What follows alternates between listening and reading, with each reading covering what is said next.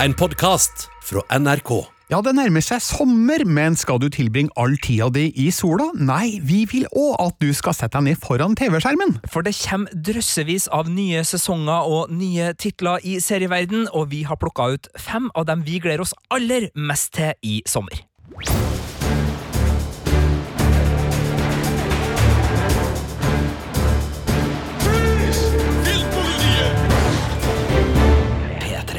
Her i studio sitter Birger Vestmo, Og Sigurd Vik. og du, Sigurd, har skrevet saken Ti serier vi gleder oss til i sommer på p3.no filmpolitiet.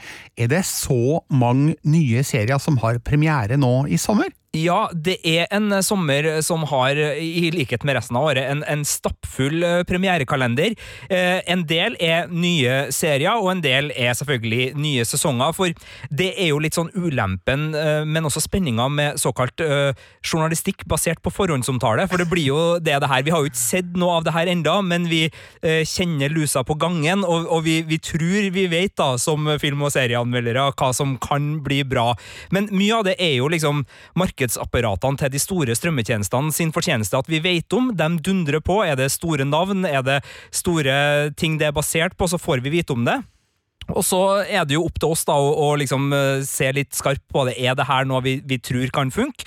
Og så er det jo selvfølgelig også da godt å lene seg på noen serier vi allerede elsker, og som kommer med nye sesonger som vi er mer trygge på. Og av de ti seriene som jeg har med i listesaken, som jeg og kollega Marte Enstad har laga, som ligger på, på p3.no filmpolitiet, så har jeg plukka ut fem som er de seriene jeg gleder meg aller mest til. Så det blir en litt sånn personlig vri på denne podkasten. Så er det bare å bruke den lista som rettesnor for å få et litt mer variert utvalg. Men, men min seriesmak får lov til å, å herje litt i denne podkasten, og jeg har da plukka ut de fem som jeg gleder meg aller mest til. Det høres veldig lovende ut, Sigurd. Mitt felt er jo hovedsakelig film, og der kommer det jo òg flere godbiter utover sommeren, men det er bra at strømmetjenestene og TV-kanalene tar opp kampen, sånn at det ikke bare blir kinogjenging gjennom hele sommeren. Ja, ikke en velbalansert diett av sol, skygge og sofa som er den optimale varianten for en vellykka sommerferie? Eh, sol, skygge, kinostol og sofa Ja, vil jeg riktig. komme Ja, ja. med da. Men vi skal konsentrere oss om TV-tilbudet i denne podkasten, og hva er den første serien du vil trekke frem nå i sommer? Nei, Det kunne jo like gjerne vært en film, muligens. Det kommer i hvert fall fra eh, kinoverden, det her. Altså, sommerens store blockbuster på TV-skjermen er Loki. We protect the proper flow of time. You picked up the Tesseract, breaking reality. I want you to help us fix it. Why me? I need your unique Loki perspective. Do I get a weapon? Ja, Loki, eller Loke på norsk, er selvfølgelig en avlegger fra Marvels eh, Avengers-univers, med Tom Hiddleston i hovedrollen, så det her er en serie på et rimelig høyt nivå, Sigurd? Ja, i hvert fall hvis man tenker budsjettnivå, for her tror jeg det har brukt eh, ganske mye penger. Og, og det er jo en litt sånn snedig greie det uh, Disney og Marvel holder på med når det gjelder det såkalte MCU-universet, altså Marvel Cinematic Universe, som eh, lenge har foregått både på kinolerretet og på den lille skjermen, men etter at Disney Pluss som strømmetjeneste kom, og, og de ville ha noen blockbustere som var liksom en del av strømmetjenestetilbudet, så har vi også fått de største stjernene på den lille skjermen. Altså Der vi tidligere hadde for eksempel Daredevil og Luke Cage og andre serier som har hørt til universet, men foregått med, med litt andre rollefigurer, som det har vært noen crossovere, så er vi nå inne i det jeg vil påstå, da, det er mulig du vil korrigere meg her som, som den filmnestoren du er, men det her kunne egentlig vært en film.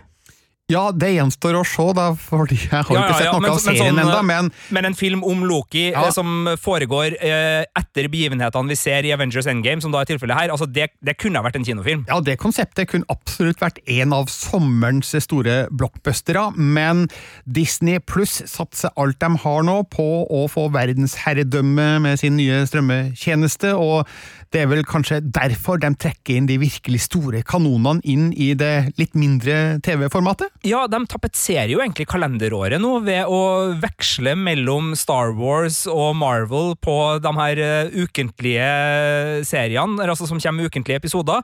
Vi fikk jo liksom to runder Mandalorian, som da gikk rett inn i WandaVision, som da gikk rett inn i The Falcon and the Winter Soldiers.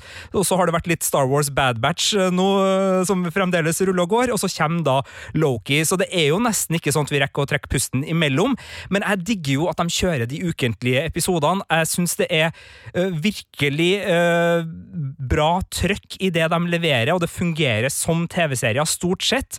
Og, og, høydepunktene har jo vært fantastiske, spesielt WandaVision da, for Marvel sin del, som vi begge vel syns var en seriesuksess som klarte å kombinere uh, de heltene vi er så glad i fra Avengers-universet, med noen både TV-historiske interessante perspektiv, men også klarte å gi litt mer dybde til rollefigurene. Hva du ja, definitivt. Når det gjelder WandaVision, så likte jeg jo måten de eh, tok tak i eh, figuren fra filmene, og satt hun inn i en eh, skal vi si, litt mindre kontekst, sjøl om ja, mindre kontekst i WandaVision det er fremdeles ganske stort, da. Men i hvert fall så greide de å utdype hennes historie, som du sier, og egentlig utvide hun som figur i det universet i TV-formatet. Og hvis de greier å gjøre det samme med Loki og andre Avengers-figurer, så sitter de på en vinnerformel. Ja, fordi, øh, og det er jo litt sånn interessant med et sitat som Dave Bautista kom med for ikke så lenge siden. Jeg tror det var i forbindelse med lanseringa av øh, zombiefilmen Sex Zack Snyder han laga sammen, som da er på Netflix nå, som heter The Army of the Dead. Da snakka han om at hans rollefigur i Guardians of the Galaxy-gjengen eh, det var ikke noe kritikk mot verken Marvel eller regissøren, men, altså James Gunn, men, men, han mente jo at det er en rollefigur Marvel på en måte missa litt ut på, å ikke gi flere lag, altså ikke gi mer dybde. Da snakker vi om Drax uh, the Destroyer. Uh, og det er jo nettopp det en del av disse heltene får gjennom de her TV-seriene. Du, du, sa det så fint om, om, Wanda, vi så det også med The Falcon and the Winter Soldier. Jeg syns ikke den TV-serien var like vellykka, men den ga utrolig mye mer dybde inn til det som da nå blir den nye Captain America, og uten en lengre TV-serie hvor vi virkelig fikk kjenne på de konfliktene, de indre stridighetene han følte på, både som en svart mann som skulle ta over Captain America-skjoldet, med de uh, historiske implikasjonene vi fikk se utspille seg der, og, og det som gjorde uh, han litt ambivalent i forhold til det, men også relasjonen til Bucky Barnes og, og hele den greia der. Altså, det tok oss med fint inn i dynamikken, og Tom Hiddleston sin Loki-figur, uh, for oss i Norge da, med røtter i norrøn mytologi, fordi er jo definitivt en sånn figur som også har mye å gi på. Altså, han var jo skurken i den første Avengers-filmen. Den store big bad skurken. Eh, og så har han liksom gradvis Han har jo alltid hatt glimt i øyet, men han har liksom gradvis blitt en antihelt som vi aldri vet helt hvor, hvor vi har, men, men, han vokser på oss da som, som en av liksom de the good guys. Og eh, som før serien her, altså, hvordan syns du ditt forhold til Loki-figuren gjennom eh, Marvel-filmene har vært, Birger? Han har jo hatt en interessant historiebue som du sa, han ble jo introdusert for oss som en sleip ål av en eh, skurk.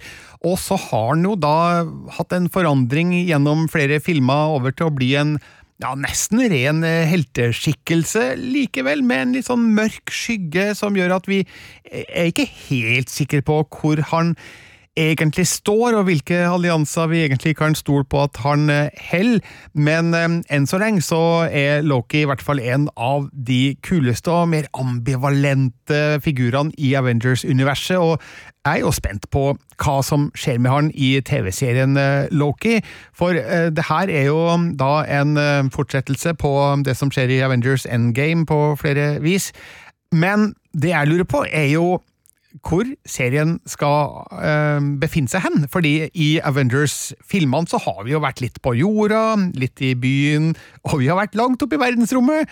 Vet vi hvor Loki skal være? Ja, den havner nok i, i romeventyrdelen av Marvel Cinematic Universe, altså oppi, oppi der. Altså langt fra, fra, det jordnære. Og det er jo også fascinerende, fordi det skjer jo ting med Loki i de to siste Avengers-filmene som gjør at man kan klø seg i hodet og si 'hæ'? Hvordan kan han være med i en uh, film? Men det er da uh, begivenhetene som foregår da Avengers-gjengen reiser tilbake i tid, og jeg merker at jeg begynner å få vondt i hodet allerede. Jeg skal begynne å snakke om det her, men uh, Sorry for litt spoiling her nå, men det er bare premisset for serien. altså Det skal ikke spoile noe av det som skjer, for det, det vet vi virkelig ikke. Men det er da sånn at Loki, han Han tar med seg en uh, Infinity Stone uh, og, og, stikker av uh, altså The Tesseract i Avengers Endgame, og, og det blir jo ikke fulgt opp, annet enn at vi liksom får vite i slutten av den filmen at de, altså de trådene de drev og, og tukla med, har på en måte blitt putta tilbake på plass, eh, og jeg, og jeg, sliter med å huske alt sammen, det skal være ærlig innrømme, og, og, jeg klør meg fremdeles i hodet og hvordan Captain America fikk til å leve et, et langt liv sammen med Peggy, og, og, at de klarte å kose seg uten at det uh, skapte trøbbel i sommerfugleffekter og ja, andre ting. Sant? Uh, men, men så, det, det, skal nok gå opp det her på et eller annet vis, altså de lærde har nok fått det til, men fordi Loki da gjorde denne lille skurkestreken, denne guden for ugagn var jo helt langt over streken, så har da byrået for uh, tidsforbrytelser. Altså dem som passer på at uh, tidslinja og diverse ikke uh, tukles fullstendig til,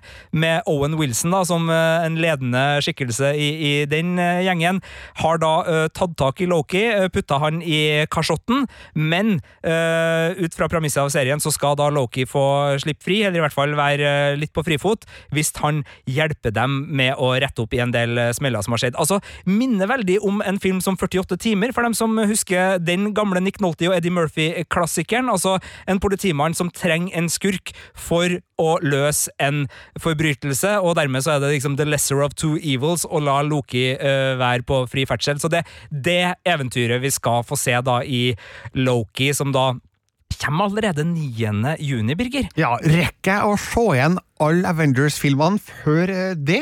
det ja, du er en familiemann med to barn og, og, sikkert noen forpliktelser, men jeg vil si ja. Altså, Du murer deg ned i den der kinosalen din ja. på, uh, og bare liksom dundrer løs på film etter film etter film, og lager et slags avtale med din lokale pizzaforhandler om å komme regelmessig på døra. Ja, det skal gå eh, fint, altså. Det er en god idé, altså, så får vi se om det lar seg gjennomføre. Men du, jeg ser på rollelista at en god gammel kjenning også er med i Loki, nemlig Richard E. Grant.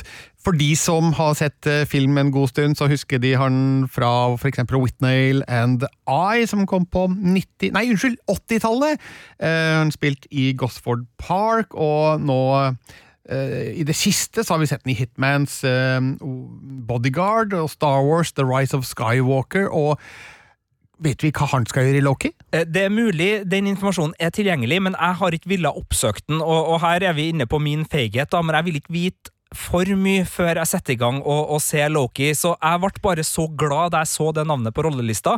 Det er ikke eh, helt der oppe med Owen Wilson og, og Tom Middleton, så det er vel ikke en hovedrolle, sånn sett, men, men, i løpet av de seks episodene som skal komme her, så vil jeg jo tro at han er en skuespiller de har tenkt å benytte seg av. Og grunnen da, til at jeg blir begeistra eh, for det navnet, sammen med Owen Wilson, er at det gir meg en pekepinn på at det her kommer til å bli humørfylt. Det kommer mm. til å bli glimt i øyet, og det kommer til å bli litt sånn britisk type humor, noe som Tom Hindelsen allerede på en måte har innført i den eh, Loki-karakteren.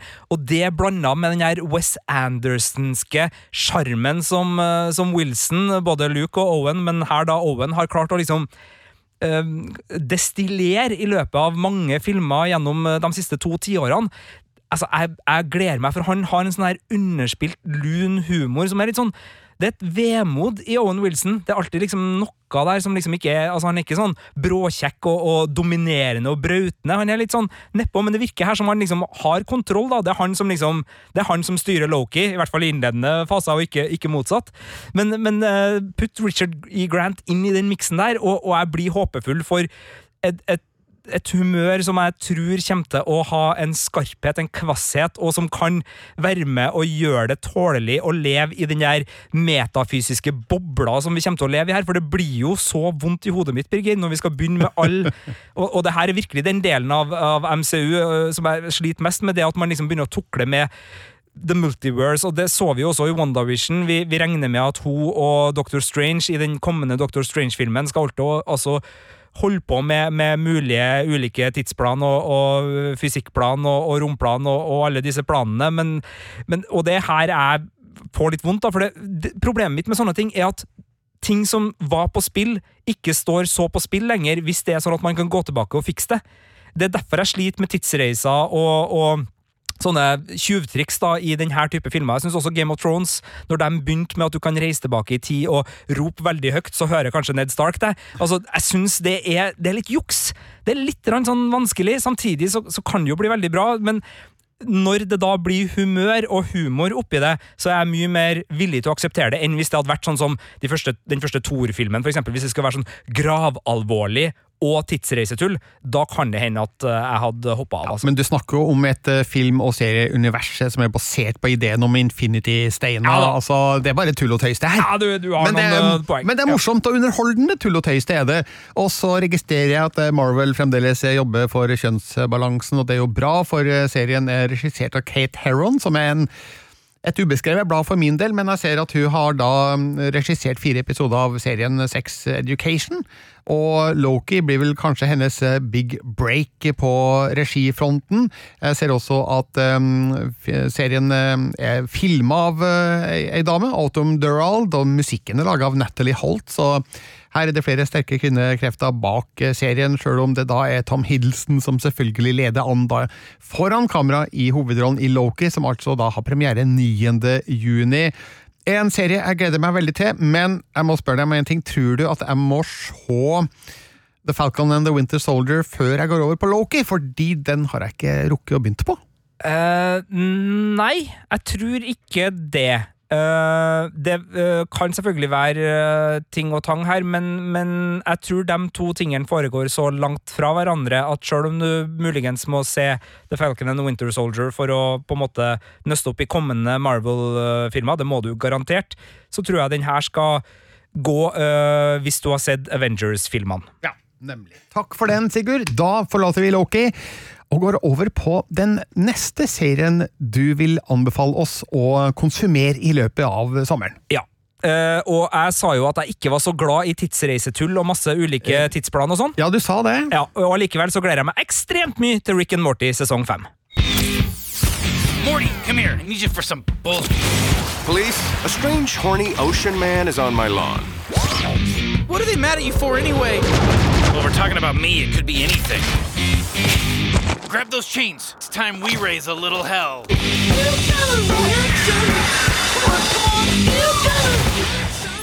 Ah, den vanskelige femte sesong. Rick and Morty har altså um, eh, vært med oss nå noen år, og fire sesonger så langt. Er det fremdeles like rått og morsomt, syns du? Jeg, det, det vites jo ikke, men sesong fire var et høydepunkt. eh, og det virker ikke som Rick and Morty har gått tom for eh, drivstoff og energi. Eh, det er selvfølgelig en stil som har både blitt eh, litt sånn oppbrukt av dem sjøl, og ikke minst litt utvanna fordi mange andre animerte serier, deriblant serier de sjøl er med å lage, f.eks. Solar Opposite, som er en Hulu-serie som går på Disney Pluss i disse tider.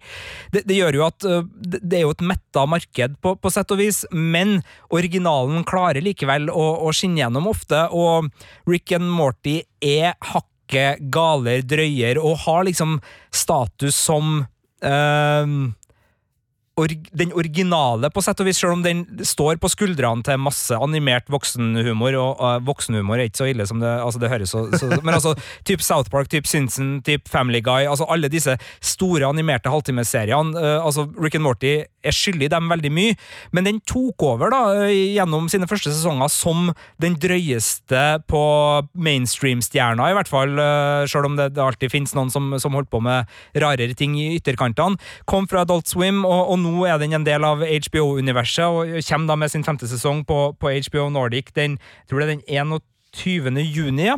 Eh, Så, eh, så det er en, en av liksom blockbusterne det her òg, for eh, seriesommeren. Og jeg tror at uh, den sesongen her blir uh, en veldig metasesong, og det høres rart ut, for det har alle sesongene vært, men det virker ut fra traileren som de virkelig har skrudd til den der selvreflekterende og selvbevisste stilen enda noen hakk, ved at de hele tida hele tida refererer til enten noe de sjøl har gjort, eller noe som er så uh, forslitt og vanlig i diverse filmer og serier når det gjelder uh, sci-fi, action osv., osv., at, uh, at alt blir liksom en inside joke, da. Det kan bli litt mye. Det kan bli litt sånn ok, nå er jeg lei den type humor, men de gjør det så bra, de har så oversikt, og den har alltid en ekstra klangbunn, enten det er noe å si om oss som mennesker, eller det er en metafysisk finurlighet, og det gjøres med et så godt humør at jeg er fremdeles med på Rick and Morty-toget. Men for de som ikke har stifta bekjentskap med denne serien enda, kan du forklare hvem Rick og Morty egentlig er, og hva de gjør? Jeg kan prøve. altså uh, Rick Sanchez er da bestefaren i det her uh, forholdet, og Morty er barnebarnet. og Så lever de da i et forstadshus i United Blast, populært kalt USA, uh, hvor Rick har massevis av hemmelige laboratorium og holder på med alt mulig rart. og Han er jo da et nihilistisk geni som eh, har reist eh, galakser rundt og gjort mye faenskap eh, opp gjennom årene, og tar da også med seg barnebarnet Morty på denne type eventyr. Gjerne voldelige eventyr, hvor diverse pistoler, det være seg pistoler som gjør at du kan hoppe mellom ulike galakser eller ulike tidsrom, eller det er våpen som kan på, på verste vis ødelegge motstanderen. Det, det er liksom grunnbeholdninga. Og så har du jo den øvrige familien da, som enten sitter hjemme og lurer på hva pokker dere har holdt på med de siste timene, eller at de blir med. Vi hørte jo da far i familien lure på hvorfor det var en uh, ja, hva var det, Ocean Man on his front lawn, en naked Ocean Man, eller hva søren det var. Altså, det, det er mye um, absurd som, som, skjer da, og uh, mye av det er grotesk, voldelig og fullt av humor som uh, tenåringer syns er utrolig festlig, hvis jeg skal bruke meg sjøl som et eksempel, og, og, litt eldre tenåringer, og tenåringer i 30-årene for eksempel, syns det er utrolig festlig. Litt bæsj, promp, tiss-humor er det òg, men uh, så klarer da serien å, å bruke det her med i tillegg å være smart. Og, og, det er en mening bak det. Det er ikke bare banale vitser som, som er der for å øh, få folk til å flire umiddelbart. Det er der for å få folk til å, å tenke litt også. Eh, I hvert fall innimellom. Uh, ja. Har du sett noe på det her, Birger? Jeg har ikke sett Rick and Morty, faktisk. Jeg vet at mine tenåringssønner de ser veldig mye på Rick and Morty. Family Guy, derimot, som du nevnte tidligere, har jeg sett mye på, og det er jo en type humor som stadig balanserer på kanten mellom det intelligente og det smakløse, og av og til så ramler den over på den smakløse sida. Er det sånn i Rick and Morty også, eller greier de å holde seg på den, eh, på den lina, da, for å si det sånn? Nei, det er definitivt mye smakløst her, og spesielt når det gjelder kroppsvæsker og andre ting som kan få folk til å skru av, uh, rett og slett. Der, der er de ja, altså, jeg, jeg, kjenner vel folk som ville kalle det ganske sånn plump underholdning, en del av det Rick and Morty holder på med. Så du må være disponert for å like det. Altså, hvis du syns Family Guy er bare teit, så er det lite sannsynlig at du kommer til å elske Rick and Morty, men hvis du syns Family Guy er ustyrtelig morsomt, og du vil ha det litt drøyere, og enda litt uh, mer raffinert, uh, så er Rick and Morty den perfekte serien, tenker ja, jeg. Litt mer raffinert, ja takk, fordi jeg elsker jo Family Guy, men det hender jo at humoren i den serien går over til å bli for eksempel litt sånn bodyshaming eller rett og slett rasistisk, og så skal det være morsomt fordi vi skal jo være innforstått med at det er jo egentlig ikke rasistisk, for de mener det jo egentlig ikke, men så kan man nå argumentere med at ja, men humoren er jo ikke så intelligent at den kanskje er det likevel.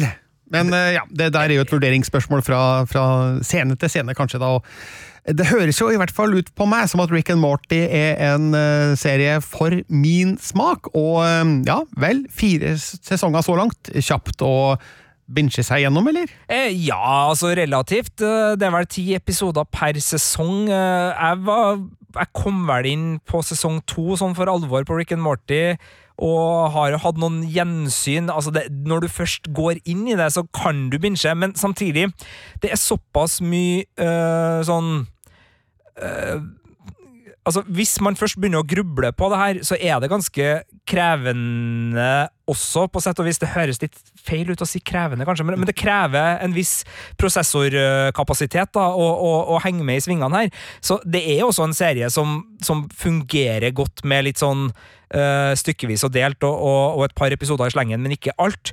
Uh, og så går det jo an, da, hvis du ikke gidder å, å se liksom rubb og stubb, og komme ganske kjapt inn i det. Så det er ikke et, et univers som liksom krever at du har fulgt handlinga fra sesong én gjennom sesong fire for å liksom skjønne hvem som er hva, og, og hva de holder på med. Det her bruker jo den amerikanske kjernefamilie-sitcomen, og det skal vi snakke mer om i, i kommende, flere kommende serier, for det er et yndet objekt for, eh, for spøk og, og skjemt på amerikansk TV.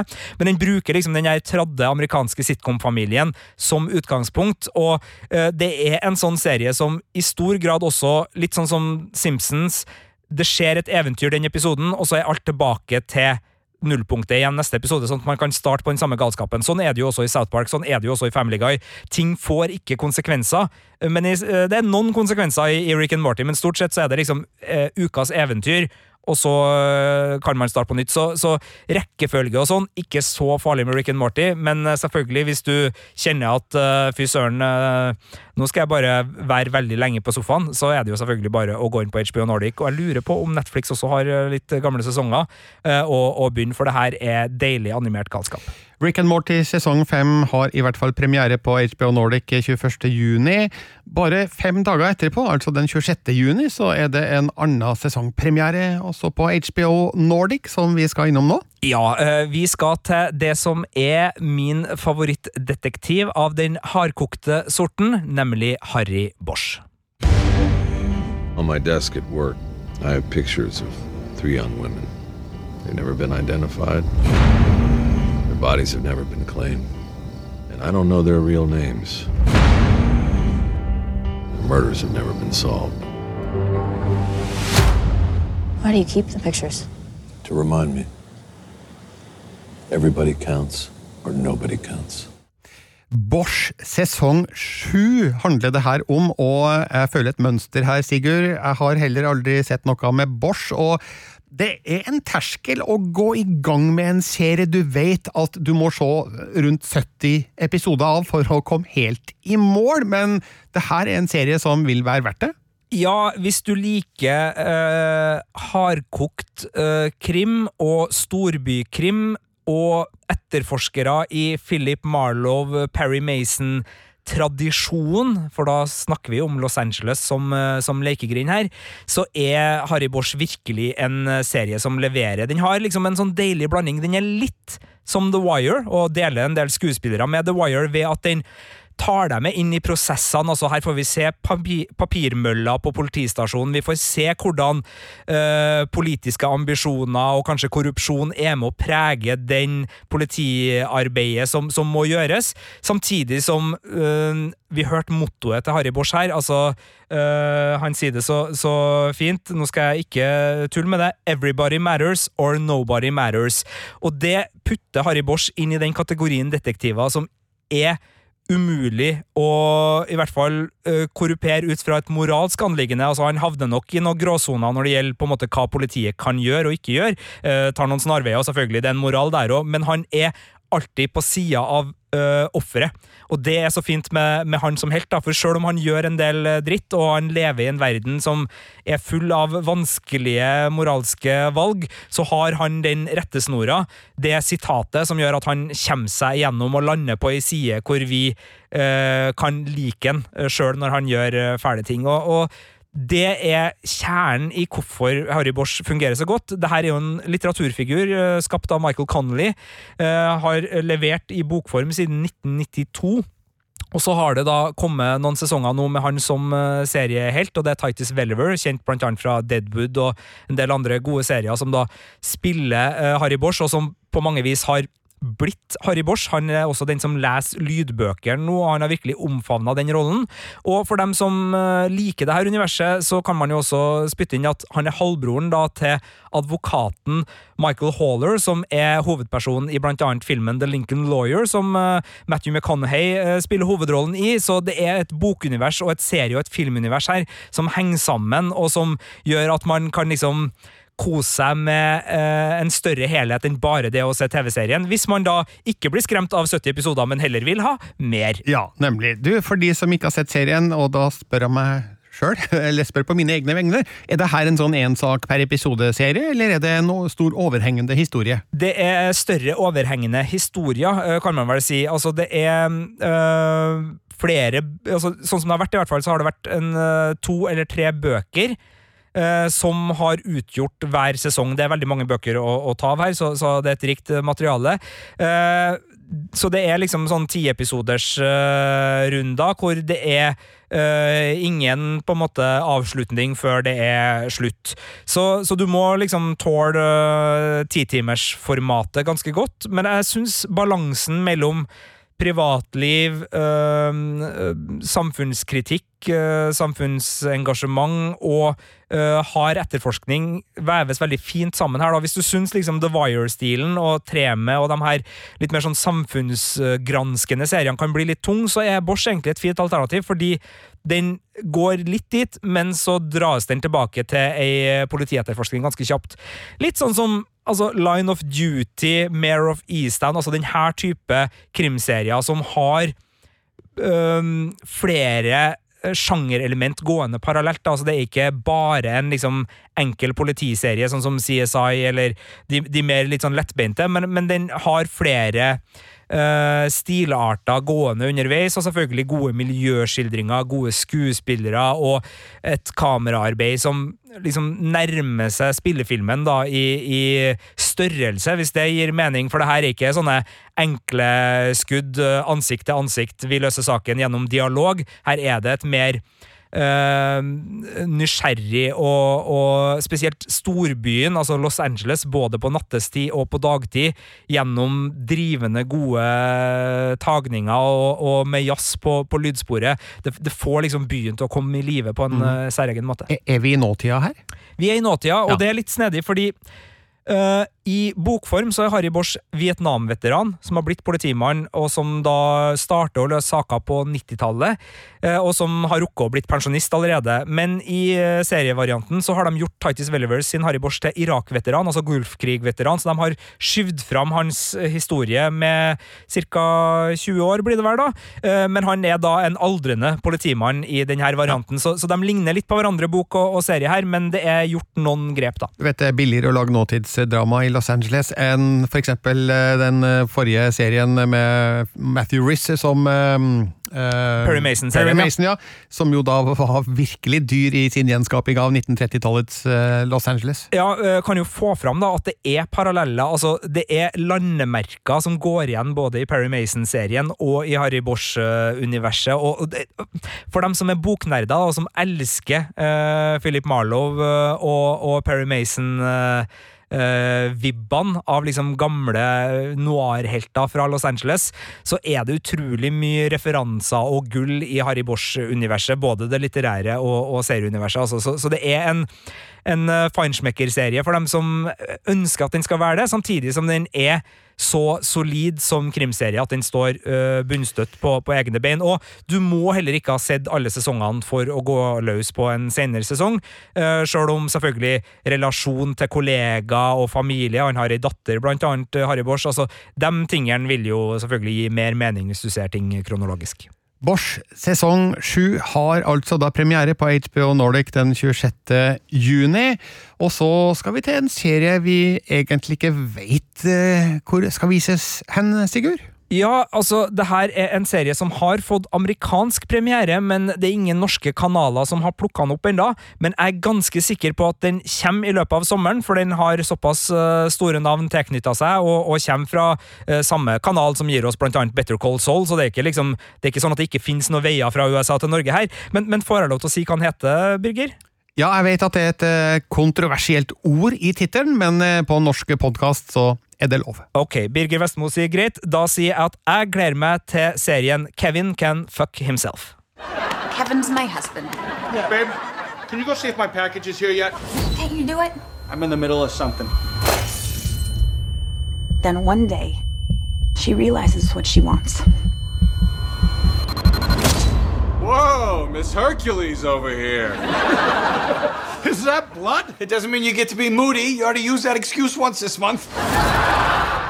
Jeg gjetter, Sigurd, at eh, vi her snakker om en eh, sitcom? Det gjør vi, men en mørk sitcom som tar et oppgjør med amerikansk sitcom, nærmere bestemt hustrurollen i amerikansk eh, sitcom. Fordi eh, der har det jo vært eh, tradisjon for at brautende mannfolk har fått lov til å ha en kone på hjemmebane som er veldig tilgivende, og som ofte er den, det spøkes på bekostning av. Og det har uh, serieskaper Valerie Armstrong og gjengen uh, sett at uh, det trengs et lite oppgjør med. Og hvis man tenker liksom Du, du hørte litt i lydklippet her, og jeg, jeg, har ikke sett så mye, så jeg vet ikke direkte hva det her skal handle om. Jeg har bare sett en, en teaser-trailer. Men det jeg fikk inntrykk av, da, er at typer som Al Bundy Uh, for så vidt også Homer Simpson, og, og ikke minst da uh, Kevin James sin Kongen av Queens. Den type uh, sitcom-ekte menn skal nok få passet sitt relativt hardt påskrevet ja. denne gangen. Noen vil jo påstå at de skriver på passet sitt sjæl i sine respektive serier, men her skal det altså leikes med amerikansk TV-historie, og du er jo inne på det i artikkelen din på P3NO Filmpolitiet òg, at vi, vi, kan dra paralleller til WandaVision her? Ja, WandaVision var jo i enda større grad en, en uh, historisk uh, metalek med den amerikanske sitcomen, ved at den gikk gjennom uh, tiår til tiår og, og tok for seg på en måte både stilgrep og retoriske grep som prega den amerikanske sitcomen på 50-tallet, på 60-tallet, på 70-tallet, på 80-tallet, på 90-tallet osv. Eh, det var jo en bredere sosial kommentar til amerikansk TV-historie enn det vi får i Kevin Ken eh, himself, eh, som den herfra ut skal, skal, skal hete, som er mer direkte inn på én spesifikk bit av den amerikanske sitcom-historien. Men det er jo tydelig at ja, du sier det jo, Birger, og det, og det er litt sånn fascinerende. For mange så vil det jo liksom føles som at eh, kanskje ikke nødvendigvis Al Bundy, for det er fra en litt annen tid, men at mange av disse seriene har hatt glimt i øyet på egen bekostning, og dermed har på en måte rettferdiggjort sin eh, holdning da i serien. Men så kan man jo også stille spørsmål ved det, og, og du var jo inne på det når du snakka om Family Guy, bare det at man sjøl på en måte sier sånn ja, men jeg har lov til å spøke om det for at jeg vet at det egentlig ikke er sånn. Er det god nok unnskyldning for å være med og bygge opp stereotypier, være med og, og etablere troper som blir gjentatt, og som kanskje sniker seg inn i samfunnet på, på måter som ikke nødvendigvis alle syns er like kjernesunn? Eh, så, så, det er vel den type oppgjør som her uh, gjøres noe med. Altså Kevin James som skuespiller vil sikkert hevde at eh, til og med denne NASCAR-serien han nylig slapp på, på Netflix, er liksom den er godlynt, og det, og det, er ikke noe skadelig, den her type liksom, mannfolk som er glad i motor og biff, og som uh, er litt sånn stereotyp i sin uh, kommentering av, av, kvinner. Det er ikke noe galt med det. Men kanskje er det noe galt med det, og kanskje er det det Kevin Ken himself uh, kommer til å, å avkle, da, hvis den er så skarp og mørk og, og treffsikker som det vi håper på. og det er spesielt hovedrollen her som jeg er veldig spent på å se, fordi Annie Smith. Annie Murphy. Annie Murphy, Det var nesten riktig. Nesten riktig. Hun spiller jo i den meget prisbelønte Shits Creek, den kanadiske komiserien som gjorde rent bord på Emmy-utdelinga i, i, fjor. Der spiller hun veldig godt, som da dattera i en uh, familie som tar en uh, omvendt Kardashian. Altså, de går fra å være veldig rik, men de mister alt og, og må klare seg. Uh, og hun viser i den serien at det virkelig bor et komikertalent der, og når hun da skal få utfolde seg i denne rollen, så, så tror jeg at hun kan være det midtpunktet en sånn type serie trenger for å komme gjennom med budskapet. fordi metaserier som det her kan på en måte bli litt for intrikat til at poenget liksom slås gjennom skikkelig. Og eh, for dem som liksom Altså, WandaVision også, da. Eh, du skal liksom kreve litt forkunnskap og nysgjerrighet for å plukke opp den delen av WandaVision og virkelig sette pris på den. Og virkelig liksom ta noe ut av den. For mange så var det liksom bare en, uh, et filter på hver episode. Mens for de som er mer nysgjerrig, så, så blir det noe mer. Og uh, Kevin Cam himself uh, kommer ikke å oppleves som noen filterserie, på, på, ingen måte, for her er poenget så mye mer tydelig. Men jeg tror allikevel det å få en hovedperson som virkelig klarer å skape begeistring og engasjement for det her i oppgjøret, er veldig viktig, og da tror jeg Annie Murphy, uh, ut fra det jeg har sett av henne tidligere i skarpe sitcoms, uh, kan være med å, å gjøre det her. og så er det jo kjente fjes også ellers i serien, uten at jeg liksom huska navnene på skuespillerne. Det er bare sånne ansikt du liksom har sett i amerikanske serier før. Men eh, nei, jeg er spent på den her. Jeg regner med at den plukkes opp, men jeg aner virkelig ikke hvor. Fordi det er AMC Pluss som, som sender det her i Eller AMC da, som, som sender det her i, i USA, og deres serier havner litt sånn forskjellige plasser. altså Noe havner på Netflix, noe havner hist og pist. Så, så hvilken norsk strømmeleverandør som ender opp med den her, det, det, vet jeg rett og slett ikke. Men jeg vil tro at en så skarp og stor serie som allerede har skapt såpass mye eh, forventning på, på, nett spesielt, da, vil få eh, en eller annen norsk distributør til å tenke at den skal vi vise! Eh, og den kommer da 13. juni allerede i USA, så vi håper jo at i løpet av sommerferien så får den eh, en norsk strømmer. Ja, Så når du har den med i artikkelen eh, ti serier vi gleder oss til i sommer, så må du slenge på en Forhåpentligvis der, da. ja, det er klart. I hvert fall hvis du har tenkt å være superlovlig Nei, ja, ja det, nemlig, det, er riktig. Det er en helt annen mm, podkast, det, podcast, ja. Sigurd. Men vi avslutter denne lista med en serie vi vet skal ha premiere også i Norge, på Apple TV pluss. Det stemmer. Da skal vi eh, Ja, hold dere fast, eh, fotball-EM begynner straks, men vi skal da til fotballens verden og Ted Lasso sesong to. Ted! What do you say to a cocktail, Coach Lasso? Oh, the same thing I'd say to Diane Sawyer if she ever asked me out on a date. Yes, please. Live from the dog track, it's Richmond with eight straight ties. How many more matches before you hit the panic button? There's two buttons I never like hitting. That's panic and snooze. I don't care what our record is. It's all about believing that everything's going to work out in the end, exactly as it's supposed to. And isn't the idea of never give up one of them things we always talk about in sports? And shouldn't that apply to people too? It's a beautiful metaphor for many of life's journeys. Ted Lasso, premiere 23. juli på Apple TV Pluss med sesong to, altså. Du var veldig begeistra for den første sesongen, Sigurd. Hvorfor det? Det var jeg. Altså, det var en serie som det handler om uh, treneren Ted Lasso, en amerikaner som har uh, gjort det bra i amerikansk fotball, som blir henta til en engelsk Premier League-klubb, en fiktiv en sådan.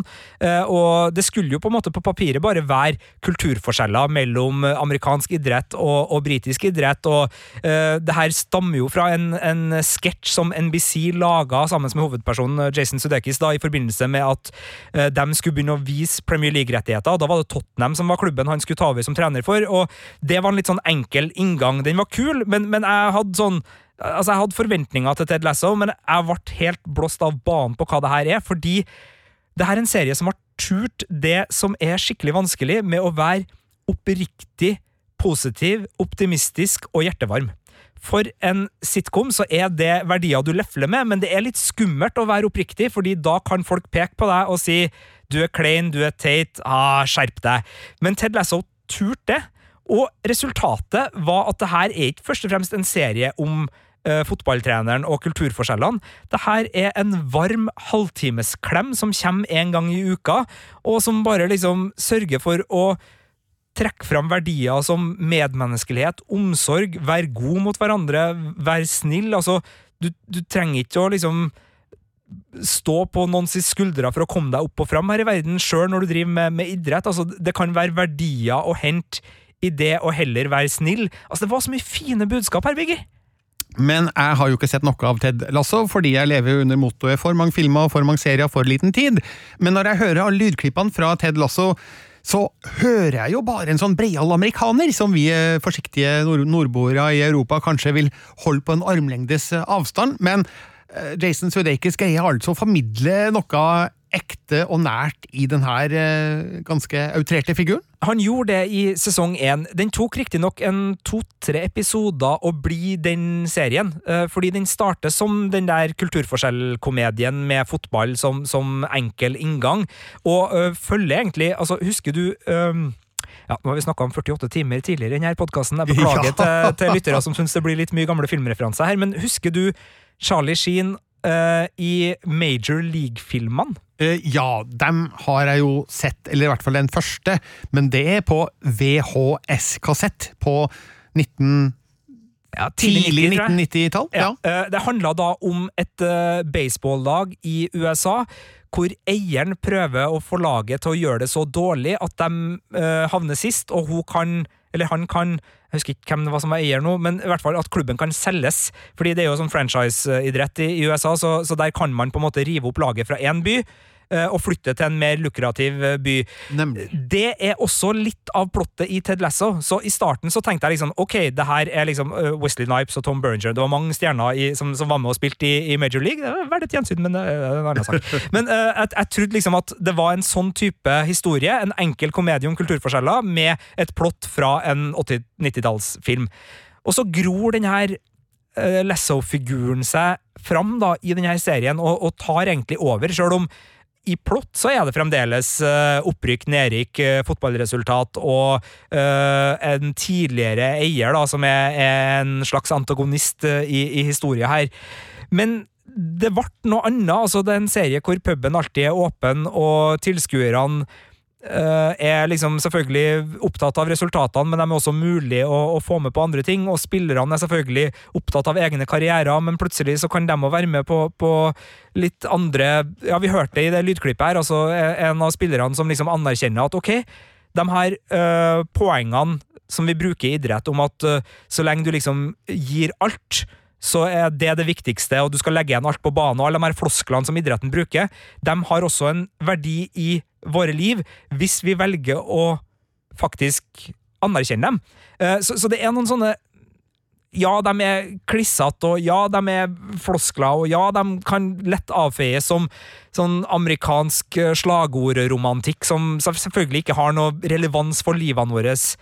Men det er jo noe i de her, uh, kalde kjøleskapsmagnetvisdomsordene, som Ted Lasso klarer å liksom foredle, da, og de blir ikke så kyniske som når de er brotert på ei Ikea-pute eller putta i en eller annen form for uh, markedsføringstrykk på, på, et produkt. Altså, de, de, de, kommer til live på en måte som, som gjør at jeg jeg blir rørt, jeg blir glad, jeg blir hjertevarm. Jeg har litt lyst til å være et litt bedre menneske etter jeg har sett noen Ted Lasso-episoder. Svart nå er det enda en serie jeg må se her, Sigurd! Nei, altså du må jo ikke det. Og, og til alle som har fotballallergi, og det her kommer jo altså, Det er 23. juli, det ja. er to dager etter at Nei, det er 13 dager er det vel etter at fotball-EM er ferdig, og nå har vi hatt en lang sesong med uh, Premier League, som egentlig ble to sesonger. Vi har hatt uh, en eliteserie som er nå endelig i gang, og hvor jeg tror Rosenborg uh, Beklager uh, avsløre tilhørighet her, men jeg tror Rosenborg har spilt sju kamper allerede på, på nesten ikke noe tid. det er privatlandskamper i, i fotball hver eneste dag, og, og EM skal være en hel måned. Altså, hvis du er fotballei nå, så blir du i hvert fall fotballei i midten av juli, og da er det ikke sikkert at du gidder å tjuvstarte på den engelske sesongen med den serien her. Jeg, jeg skjønner det, men hvis du har eh, toleranse for ball og et stort hjerte for hjertevarm amerikansk eh, komedie, så er Ted Lasso virkelig noe å sjekke ut. Prøv et par episoder fra sesong én, eh, men, men, prøv mer enn bare to, da, for den, for den bruker som sagt litt tid på å, å sette seg.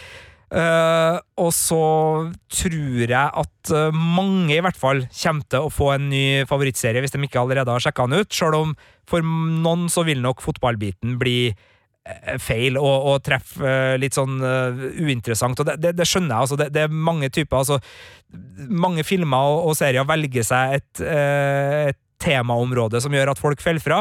Jeg er ikke nødvendigvis liksom fullstendig oppslukt av alle boksefilmer, sånn som deg, Birger. Du er, ganske, du er nok mer vennlig innstilt mot boksefilm enn meg, tror jeg. Ja, alltid mottagelig for en ny boksefilm. Jeg, jeg liker å komme til et kjent scenario, der man kan gjøre visse variasjoner innafor rammene, men, men, det er jo alltid spennende med, med boksing på film. Om det ikke er Rocky, da, for da vet jeg jo alltid at han vinner. Han gjør det, eh, sjøl om eh, Ivan Drago var en verdig motstander ja. der et, et stykke, altså. Men, eh, men, fotballbiten er selvfølgelig dominerende i, i, i Ted Lasso, så hvis du ikke tåler den type idrettsfilm, så, så ja, kanskje ikke helt din ja. uh, tekopp. Jeg tåler ja. det, men uh, den personen som jeg ofte ser filmer sammen med, og serier sammen med, er kanskje ikke fullt så mottagelig for uh, Ok, Hvis du skulle ha starta den samtalen, kunne du ha putta ordet fotball inn i de tre første setningene, eller måtte du ha på en måte gjemt den? Sånn, Sigurd fortalte meg om en amerikansk komi komiserie som var så bra. Den handler om Ted, som er en veldig fin fyr. Altså, Hvor lenge måtte du ha dytta fotball? Ja, uh, he Helt til slutt, i den aller siste setningen. Og så hadde jeg sagt ja, og så handler det litt om fotball. Ja. Neida, uh, men der har dere da et tips fra Birger Vestmo til hvordan dere eventuelt skal overtale venner eller familie til å bli med på Ted Lasso-eventyret. Mens du snakka glovarmt om Ted Lasso her, så måtte jeg bare slå opp eh, Major League, som du refererte til. Altså På norsk så het den Slå til, og den kom i 1989. Fikk to oppfølgere. Eh, virker ikke som at noen av de er tilgjengelig for strømming noe sted på mitt lille søk her nå, men du kan eh, kjøpe filmene på, på Blu-ray. Altså, i Tyskland så er det filmene utgitt i en sånn Blu-ray-boks, eh, men da må du søke på The Indianer von Cleveland, De Trilogie. Ja, eh, Det var Cleveland Indians som var baseballaget. hadde Jeg glemt. Altså, jeg har ikke sett nummer tre. Men de to første var uh, favoritter i barndommen min. Da hadde jeg dem på opptaks-VHS og, og så dem støtt og stadig, og spesielt uh, eh, Willy Hays-figuren, hvis jeg husker riktig, som, som da spilles av eh, uh, eh, Wesley Eh, Snipes. Wesley Snipes, ja. Eh, det er en veldig fin figur, og så er jo Charlie Sheen som Wild Thing, altså han som kaster hardere enn noen andre i baseballverden.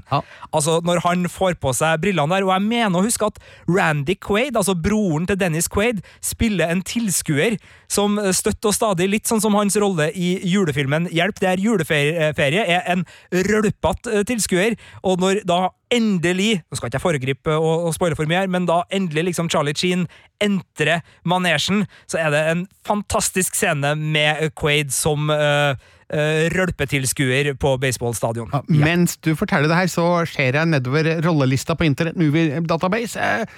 Jeg greier ikke å se Randy Quaid her. Mulig at han ikke er kreditert, men uh, jeg tror det når du sier det. Det føltes som Randy. Quaid, i hvert fall. Nei, jeg finner han ikke her, så det er mulig han ikke er oppført, da, men samme det. I hvert fall, det er jo en helt annen eh, film, da. Men eh, Ted Lasso, den kommer til å være tilgjengelig for alle som har eh, tilgang til Apple TV pluss. Fra når?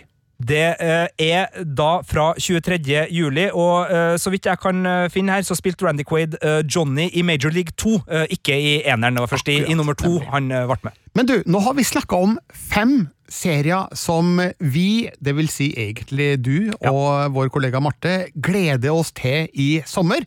Jeg kjenner jo at også jeg gleder meg til alle dem du har snakka om nå, men det er jo da altså ti serier du har skrevet om på, på nett. Ja, altså Hvis man lurer på eksempel eh, Sandra Oh sin nye Netflix-komedie, eller Nicole Kidman sitt samarbeid med David E. Kelly, eller den norske dramaserien Etter lørdag, så skal man jo gå inn på våre nettsider og, og lese den saken, og finne ut om det er datoer man skal liksom putte inn i sin kalender for planer for sommeren 2021. Eh, og så må det jo eh, sies, eh, og det må, må virkelig forsterkes, at den podkasten her, den kuppa jeg, Birger.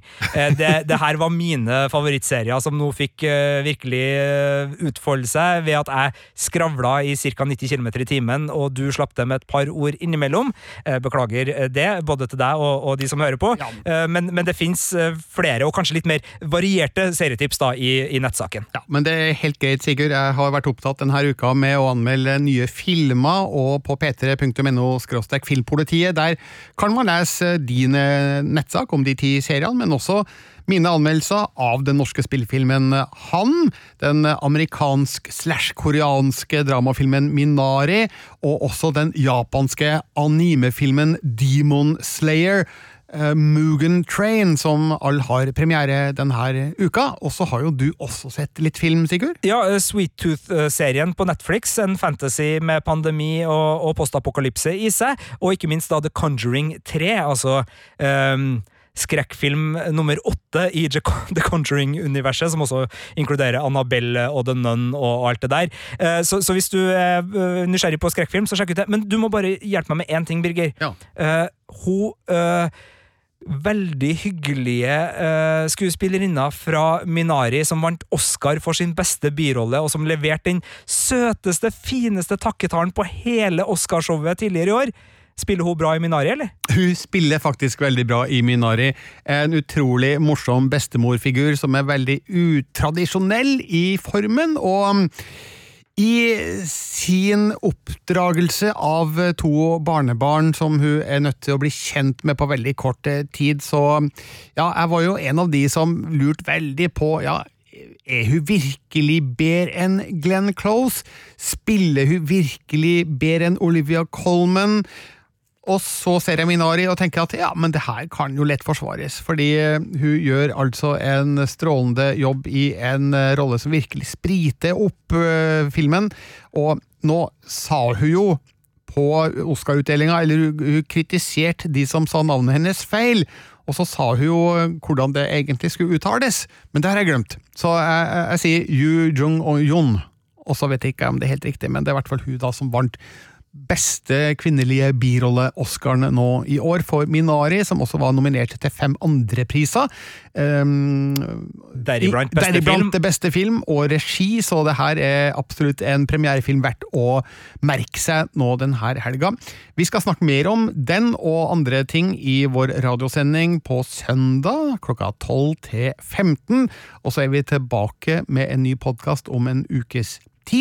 Har du et spørsmål eller en kommentar til oss, så kan du sende oss e-post på um, følgende adresse. Filmpolitiet, alfakrøll, nrk.no. Det var det. Her i studio har vi sittet, nemlig Birger Vestmo. Og Sigurd Vik.